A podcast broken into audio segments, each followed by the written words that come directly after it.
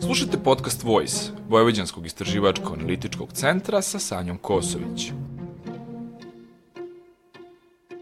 Ona će sa autorima i autorkama pričati kako izgleda put od pronalaska do samog objavljivanja priče. Saznaćete sa kakvim izazovima se novinari i novinarke suočavaju kako bi radili u interesu građana, a donosimo vam priče kojima ste vi, naši čitaoci, pružili najviše pažnje.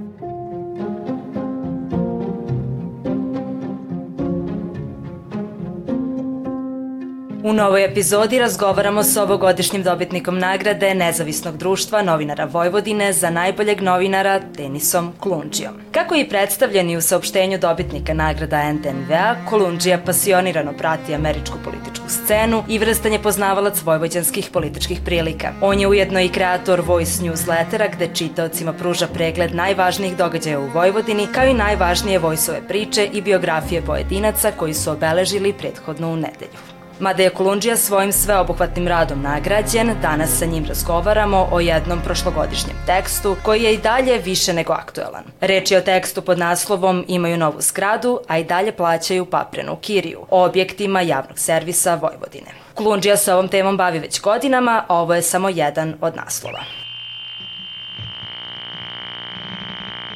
Prvi signal iz nove zgrade RTV-a na Mišeluku emitovan je 25. novembra 2019. godine. Selidba je tada polako započeta, ali i dalje nije završena, što ovu temu ostavlja i dalje aktuelnom. U starom objektu RTV-a i dalje radi kompletan informativni program prvog programa televizije, sve manjinske redakcije drugog programa televizije, web redakcija, ali i dobar deo produkcijskog tima za dnevne programe. Iako nova zgrada postoji, RTV Naftnoj industriji Srbije i dalje plaća paprenu kiriju za staru zgradu u Sutjeskoj ulici. U narednim minutima sa Denisom razgovaramo o javnom servisu Vojvodine. Zdravo Denise i dobrodošao. Zdravo Sanja, bolje se snašao. u suštini, za početak da te pitam, eh, imaju novu zgradu, a i dalje plaćaju paprenu kiriju. Tako je glasio naziv, naslov teksta eh, kraja maja prošle godine. Kakva je sada situacija? Šta se sada dešava? Koliko se toga promenilo? Ništa se nije promenilo.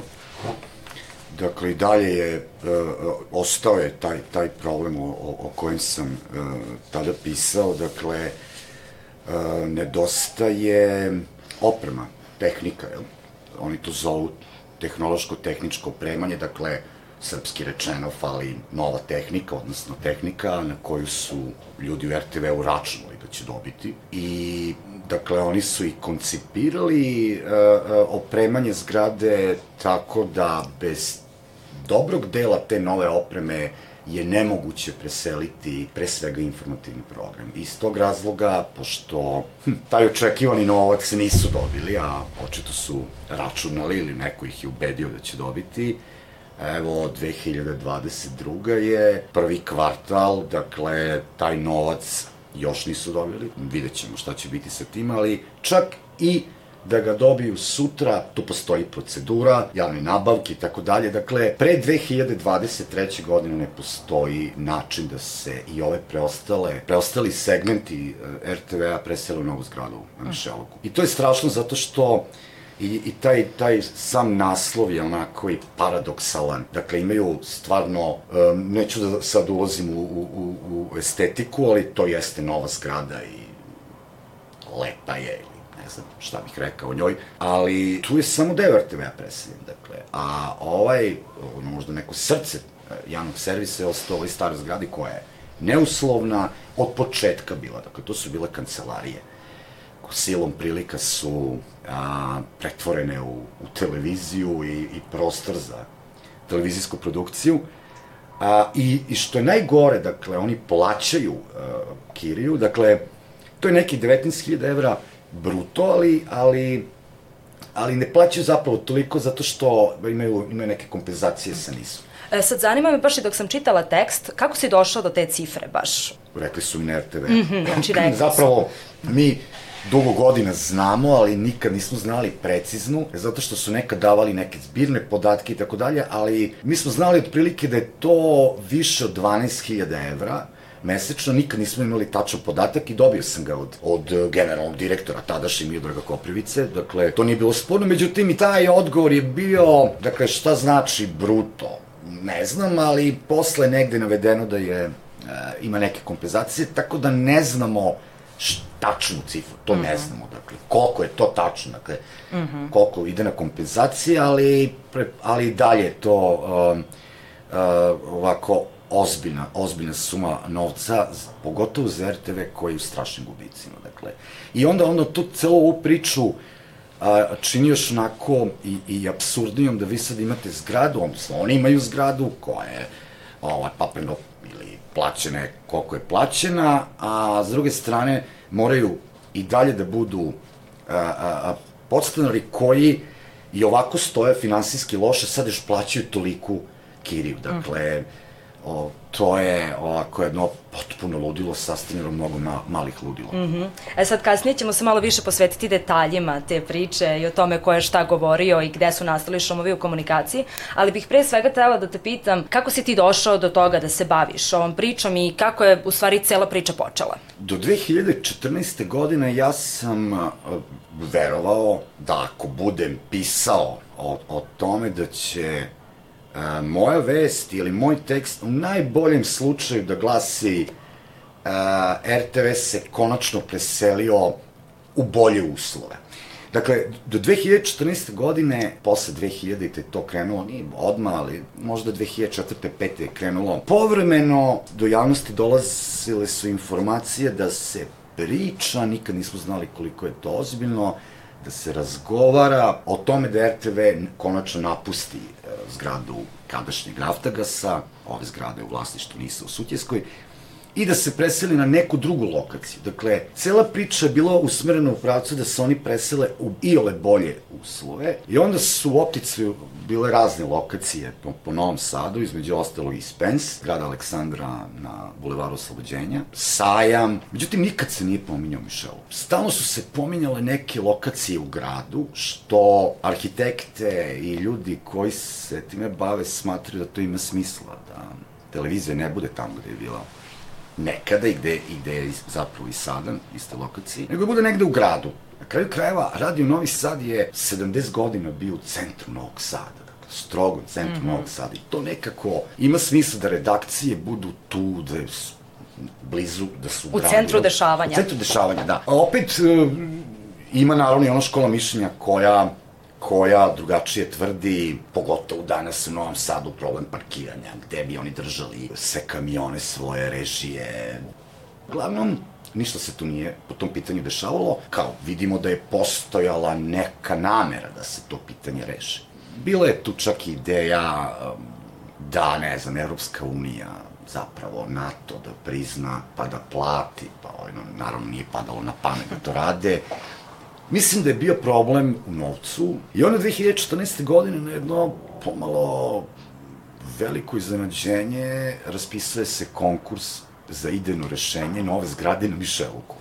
I to je onako nešto što je, čini mi se, sve iznenadilo, osim ljudi na RTV-u koji su se time bavili, ali kažem, mi smo eh, pre toga bili pripremljeni ili smo pripremani na to da će se RTV preseliti na neku drugu lokaciju mm -hmm. u gradu, možda čak ne i u novu zgradu, nego već u neku postojeću mm -hmm. koju će e, prilagoditi svojim potrebama. Taj konkurs je e, sproveden i pobedilo je ovo idejno rešenje po kojem je mm -hmm. zgrada i napravljena. Ono što je ostalo onako nedorečeno, na koje su oni pare računali, tu je jako važan kontekst, pre svega politički. Dakle, u tom trenutku a, na, na, u Republici, jel, u, u državi je već na vlasti SNS sa, sa koalicijalnim partijima, u Vojvodini je demokratska stranka a, i dalje a, na vlasti i to je sad bilo pitanje, ali, ali su izjave čelnika RTV-a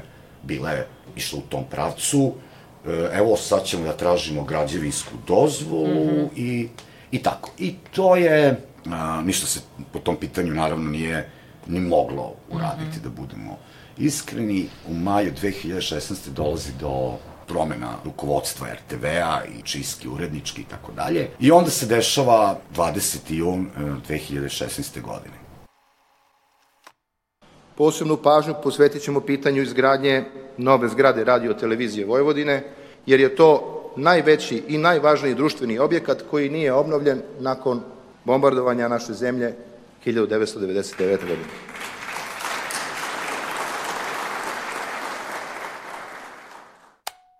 Kad sam odslušao ekspoze u tom trenutku mandatara za sastav pokrijske vlade Igora Mirovića, da će oni to i uraditi. Zašto? Mislim da je njima užasno, už, užasno bila važna ta simbolika. Dakle, prvo, da će oni da izgrade nešto što je srušeno 99. a što mm -hmm. prethodna vlast eto, za koliko godina, 17 godina, nije uspela i to da se to bukvalno na tom istom mestu izgradi. Simbolika. Da.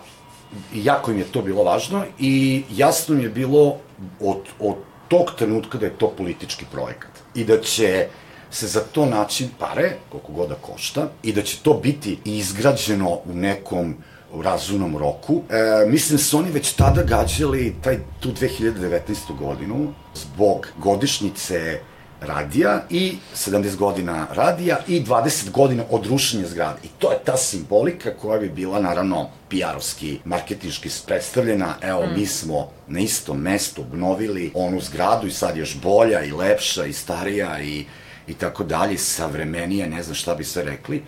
I jako im je to bilo važno. Ja sam s obzirom na to da, da sam dugo godina, po, mislim i sada, ali pre toga intenzivno pratio politiku, i vojvođansku politiku i opšte. Tu mi je onako počeo da se pale ovaj, senzori, dakle, politički projekat, na to sad ide ono kod nas novinara i kada se otvaraju razne dimenzije u glavi. Tu će mm. biti javne nabavke, da, puno novca. To je nešto što, što bi bilo vredno ozbiljno praćenja. Mi smo zadovoljni što smo kao država, bilo republika, bilo pokrajina, bilo grad, mogli da uložimo tako veliki novac, a reći da bi ljudi znali od 48,4 miliona evra, dakle 50 miliona evra se daje za izgradnju i za opremanje radio televizije Vojvodine. Ogromna investicija, ali mislim da je to i simbol naše pobede nad svim onim kroz što smo prošli i kroz NATO agresiju, dakle i rušenje svih objekata ili nanošenje najtežih mogućih šteta svim objektima radio televizije Vojvodine tokom agresije 99. godine. Vučić je 2019. godine veoma pozitivno i govorio, eto, to se bliži kraju, 50 miliona eura je pominjao. Sa druge strane, iste te godine u decembru, Mirović je već imao totalno drugačiji stav na konferenciji za medije. Sad, da li možeš možda malo bliže da mi pojasniš šta se tu desilo sa financijama, gde je nastao šum u komunikaciji, koliko novca je realno potrebno, koliko novca je uloženo, šta se tu poklapa i ne poklapa? Nekoliko puta sam bio na samom gradilištu, pratio sam uh, izgradnju, samo me zanimalo da, da vidim, eto, novinarski zapravo uh, ta, ta radoznalost, um, ja jesam bio uh, kao klinac u, u, u staroj zgradi, otac ovaj, me, me je vodio i sećam se te zgrade. Mm -hmm. I naravno da ovo je bilo onako nešto jedinstveno, stvarno ne pravi se zgrada javnog servisa svaki dan. Nažalost, niko nije očekivao da će se morati a, ponovo praviti, ali dobro. I samo sam išao onako, a, s, kažem, iz radoznalosti da, vi, da, da, da, da vidim kako to sve izgleda. I ti radovi su stvarno super odmicali. Dakle, a, to što se kaže, a, a, da, sve tako može kad ima novca. Taj novac je izgrađivala država, pokrajina, deo pokrajina, deo, deo ovo, Republika Srbija, nešto malo i grad Novi Sad, ali uh, grad Novi Sad je nešto drugo ovaj, finansijski pokrivao. Uh, ov, ove dve instance vlasti su, naravno, Gronovca dale. Ovaj, uh, i, I kad to država plaća, tu obično nema problema, novca ima, radnici motivisani svi mm -hmm. i mhm. to je super odmicalo i oni su stvarno, čini mi se pre roka, tu zgradu a, prepustili ovaj, RTV-u. Međutim, u martu, čini mi se 2019. godine, u obilazak a, tada još gradilišta, ali gde se ovako već nazirao polako kraj, dolazi predsednik Vučić i, i mi tada prisutni prvi put a, a, a, saznajemo koliko će sve to da košta. Negde oko 50 miliona. Ja nikad nisam uspeo da dođem do te brojke. Kak, šta je zapravo koštalo 50 ili šta će koštati 50 miliona i dozvoljavam da ne znam sve, ali ono što je zvanično, što mi je potvrđeno i od Igora Mirovića i od RTV-a, zgrada košta, izgradnja košta 27 uh, miliona evra, uh, tehnika bi trebalo, nova ta tehnika koju oni žele da imaju u toj zgradi, oko 12 miliona, uh, opremanje, ono, interijersko, stolovi, stolice, tako dalje, to je na kraju koštalo milion i nešto. Sad, tu je bila priča i o tome da je RTV tražio previše, tačnije da su mnogo novca zahtevali za recimo da. opremanje za nameštaj taj sad za tu opremu, nisam tačno sigurna. Negde oko,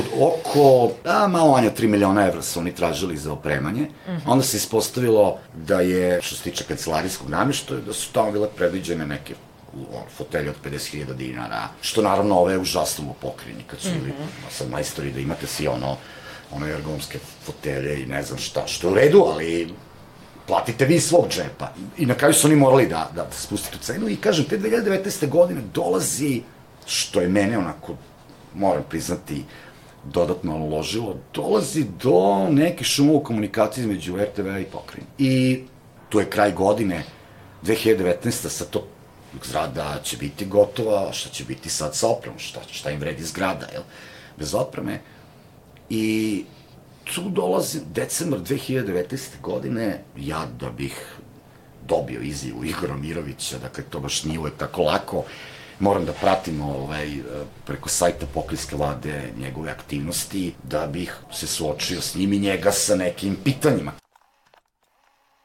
Ne znam da li vi mene razumete, da, da pređem na otvoreni goli narodni jezik. To je suma neprihvatljiva sa stanovišta budžeta autonomne pokrine Vojvodine. Previsoka za ono što imamo. U kasi imamo manje nego što oni žele da im damo. Prosto je sve. I drugo, za nameštaj su naduvali cene. I neću da dam taj novac za nameštaj. Ne može da me natera niko. Evo sad sam sad jasan. 5. decembar 2019. godine Igor Mirović ide, e, dolazi u, da obiđe radove u Betaniji porodilištu. I ja to vidim kao priliku da ga pitam e, šta će biti i tako dalje. I tu doživljavam, dakle, bio sam stvarno, hm, ne mogu reći šok, a ba, možda šokiran. Mm -hmm. a, pratim igrom slučaja kao novinar, dakle, ništa, ništa više, ništa manje, Igora Mirovića, zaista dugo, godina, još dok je bio u Srpskoj radikalnoj stranci, dok sam pratio unutrašnju politiku i tako dalje, nikad ga takvog nisam video. Vi ste znali da je tu potrebna nova oprema, jer RTV ima zastarelu tehniku, da mogu da prenesu jedva 15%, možda ni toliko. Dobro što ne prenesu. Da će početi da prenose. Šta je sad problem? A dobro, šta ćemo sa ostatkom zgrade i njeno opremanje? Ta zgrada je sad faktički zveri prazna. Ne znam, šta, šta želite da vam odgovorim? Šta je njega u stvari pogodilo tu, mislim? Gde se on tu zbunio u tom momentu? On je bio, ne, nešto se tu dogodilo na toj relaciji. Dakle, ne, postoje samo neke spekulacije šta se tu dogodilo. On je, on je bio iznerviran i onako i ljut e, tim, tim, tim e, ciframa koje RTV tako slao. Da on je jedan trenutku i rekao, ja nisam Deda Mrazi. Mm -hmm. I sve te neke stvari Mi, ovaj, mi su tako zapanjeno ga uh, slušali, gde je to se na kraju svelo da mogu bi RTV nešto malo da, što se kaže, ovaj, što mladi kažu, da, da uleti malo, što mi se moramo da platimo. Sam ja onako, čekajte, čekajte, pa vi ste predsednik tog odbora, vi znate koliko to košta, znate, oni su podneli vama 2017. 18. ceo projekat upremanja, dakle, koje je neka komisija sastavila. Dakle, on je sa svim tim morao biti upućen da ta zgrada košta toliko, ali da bez opremanja zgrade ta zgrada je onako besmislena. Mm -hmm. Ali da ta tehnika, to mora da košta. Sad, da li mora da košta 12 miliona, ja u to neću da ulazim, a, ili može manje, ili, mo, ili više, nevažno je, ali e, ljudi sa RTV-a su dobili uveravanja od, od ljudi, od političara. Mm -hmm. Mi vama ne pravimo samo zgradu. Mi ob, a, stvaramo uslove da se vi tamo komplet preseli. To je suština. To znači to. Mi vam, mi ćemo platiti zgradnju i obezbedit će se novac, da kažem neutralno, i za opremanje, i za interijer. Uslovi za sve. rad, prosto ljudski uslovi A za vi rad. ćete za uzvrat da napustite zgradu radija u Injata Palasa i to će da pripadne pokrajini koja tu planira da pravi neki muzej. Dakle, to je sve bilo.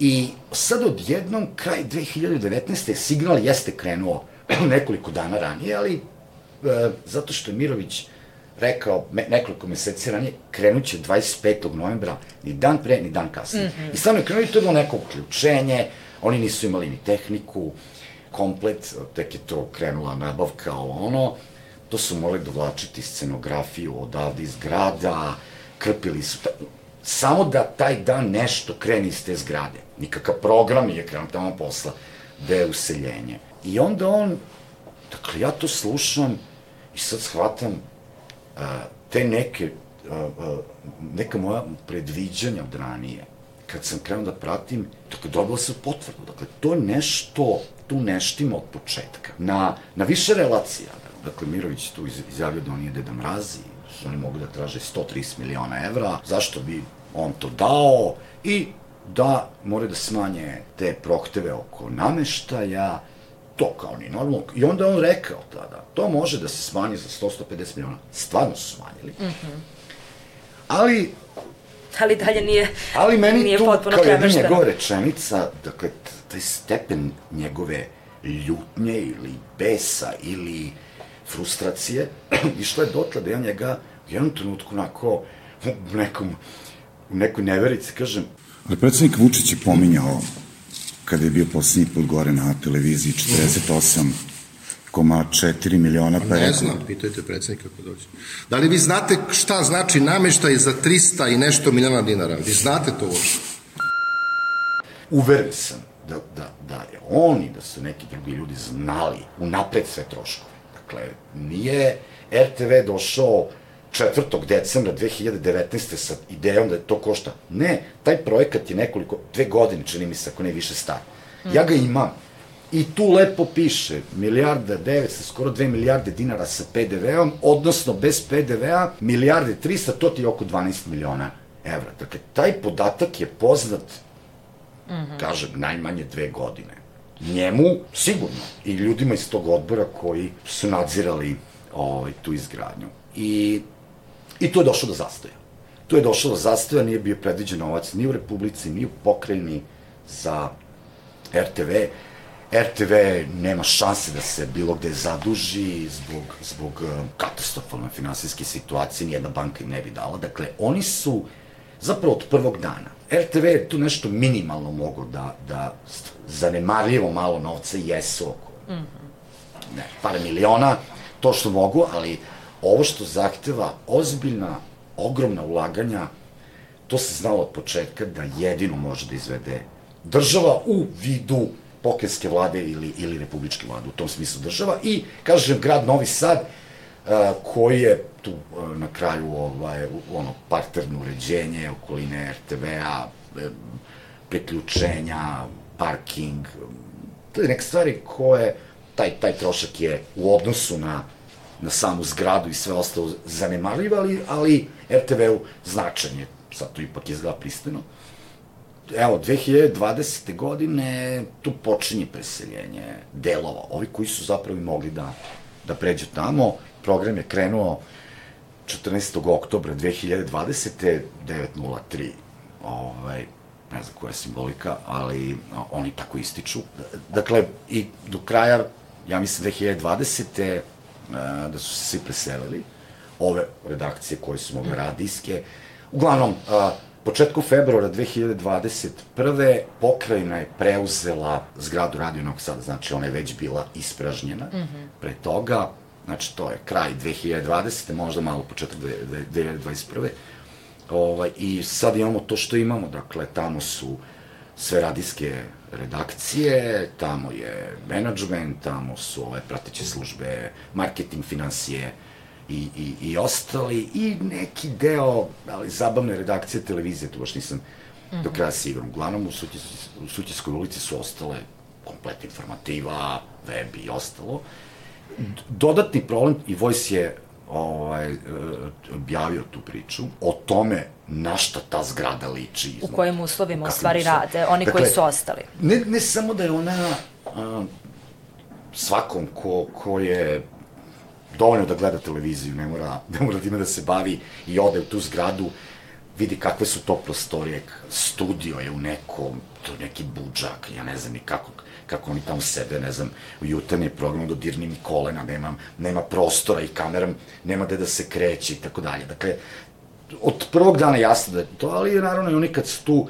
silom prilika useljeni 99. godine, ja mislim da njima neko i rekao da će to kratko trajati. Da će oni negde otići, evo, koliko je to trajalo, zapravo još traje, jel? Da. Nisu se svi tamo gore preselili. Postoje neke sad, e, ovako da ti kažem, priče koje još potvrđujem da su krenuli neki neka nova tura razgovora. E, sad sam baš htela da te pitam, kako da se već približimo polako zaključku priče o RTV-u, e, šta su neke tvoje procene? Ti pratiš ovo već dugo i sve. Šta su neke tvoje procene? Kada će biti, znači, finalizovano sve? Kada će RTV prestati da plaća tu paprenu kiriju i kada će funkcionisati normalno? Da li to vidiš uopšte u nekoj bliskoj budućnosti? Pa ako je ovo tačno da su krenuli u novu rundu pregovora sa Mirovićem, izabrali su dobar tajming, predizborna kampanja i tako dalje. Verovatno bi onako dobro odjeknula vest da će pokrajina dati neki novac. Prepostavljam da bi to morali dati iz, iz budžetske rezerve ili bi dali obećanje pa sačekali neki novi rebalans budžeta. Zavisi, zavisi na, od toga koliko su spremni da daju. Znači, RTV-u treba za komplet preseljenje oko 8 miliona evra i oni misle da bi mogli ove godine da dobiju 4, sledeće godine 4, ali već sa ove 4, sa ovom nekom prvom tranšom bi to pomoglo značajno. Vidjet ćemo da li u meri da se zaista svi presele, ali kažem, ovaj, to je, to je njeko- njihova ideja. Sa druge strane, e, i čak i ako i ova, i ova runda pregovora ne bude uspešna, samo se postavlja logično pitanje koliko država ili, ili ne- znam ko može da dozvoli da, da o, ovaj status quo potraje. Dakle, ok, dali su, napravili su vam zgradu, ustanovili smo da vi kao pokrenjski javni servis e, ne možete ništa da, da, da investirate, jer ste u takvoj situaciji. A ovamo plaćate, opet iz svojih prihoda plaćate u paprinu kiriju. Isto. Dakle, to je jedna besmislena situacija koja, mislim, sad već predugo traje. Realno, kad se pogleda koliko se sad novca troši, ne znam na šta, um, ne mislim sad da je 8 miliona evra za dve godine neki novac koji čak, čak i uslovima neke ekonomske i političke neizvesnosti, mislim da to nije novac koji ne može da se, da se obezbedi. Jer, kažem, ovo je, a, a, oni, će, oni će doći u, u, u jednu, jedan drugi, čak, čak bi rekao, ne toliko daleko u budućnosti da će se to dogoditi. Dakle, to je problem likvidnosti RTV-a. Dakle, vi ako imate milijardu i šesto miliona, ne znam za podatke za 2021. to još nije objavljeno, ako imate gubitak i, i imate tako poslovanje da zavisite od tranše iz budžeta od, od 900 miliona dinara i od pretplate, dakle, ni od čega drugog, vi nemate drugi izvore prihoda. A imate izuzetno velike raskode zbog naravno broja zaposlenih i tako dalje. Sad je to pitanje koliko će zapravo to i država pustiti da traje, dakle, da imate s jedne strane RTS koji posluje pozitivno, sa onako solidnim profitom, imate RTV koji i ovako je nekako, ima taj re, oreol nekog nužnog zla, proizvodi gubitke, a, nije gledan, znate i onda je to jedan, to je još jedan taj paradoks, da imaju takvu zgradu koji je ono u potpunom kontrastu sa kvalitetom programa, sa da. gledanošću, sa svim ostalim, jel?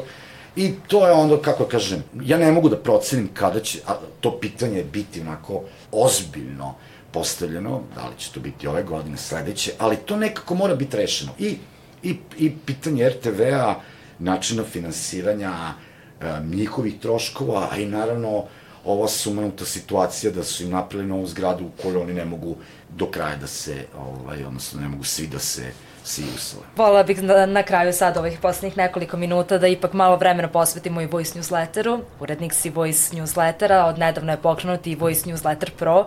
Pa bih voljela za početak da pitam koja je razlika između regularnog Voice newslettera i između pro newslettera.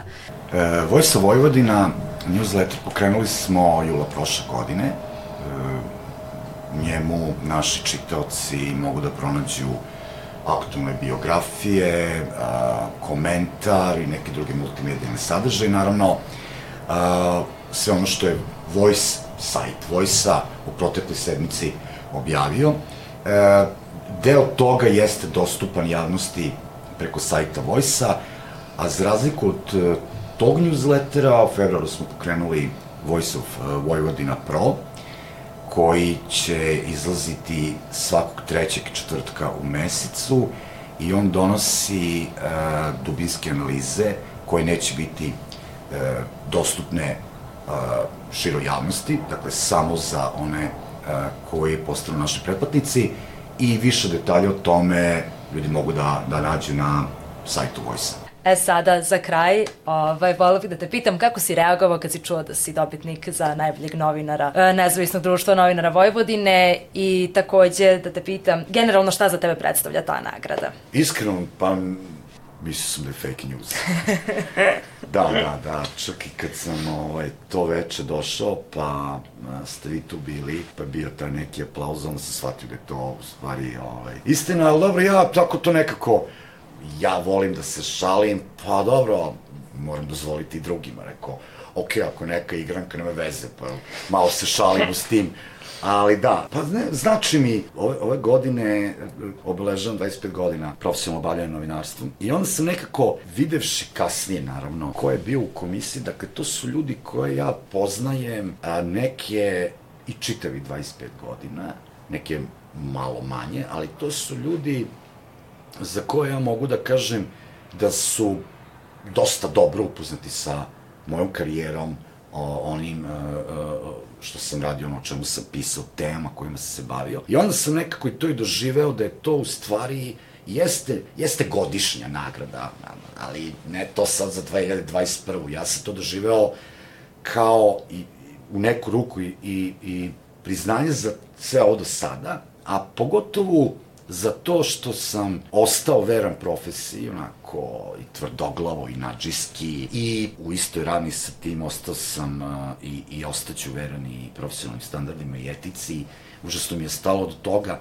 U tom svetlu sam doživeo nagradu, eto kao, i onda sam čak mi i te neke misli su prolazile kroz glavu da su mi um, poštovanje standarda profesionalnih i, i etike i tako dalje, to je ono što danas tako drastično razdvaja profesionalne od neprofesionalnih novinara, ali onda kao shvatiš u stvari da je situacija u medijima u Srbiji došla dotle da ti moraš da nagrađuješ ljude koji poštuju profesionalne standarde, ali onda sam ja rekao, ok, sve dok se dodeljuju takve nagrade, to znači da nas ima, ono, Da. ljudi koji to poštuju, pa je to kao, eto, važna, važna uteha. Hvala mnogo. Hvala tebi, Sanja.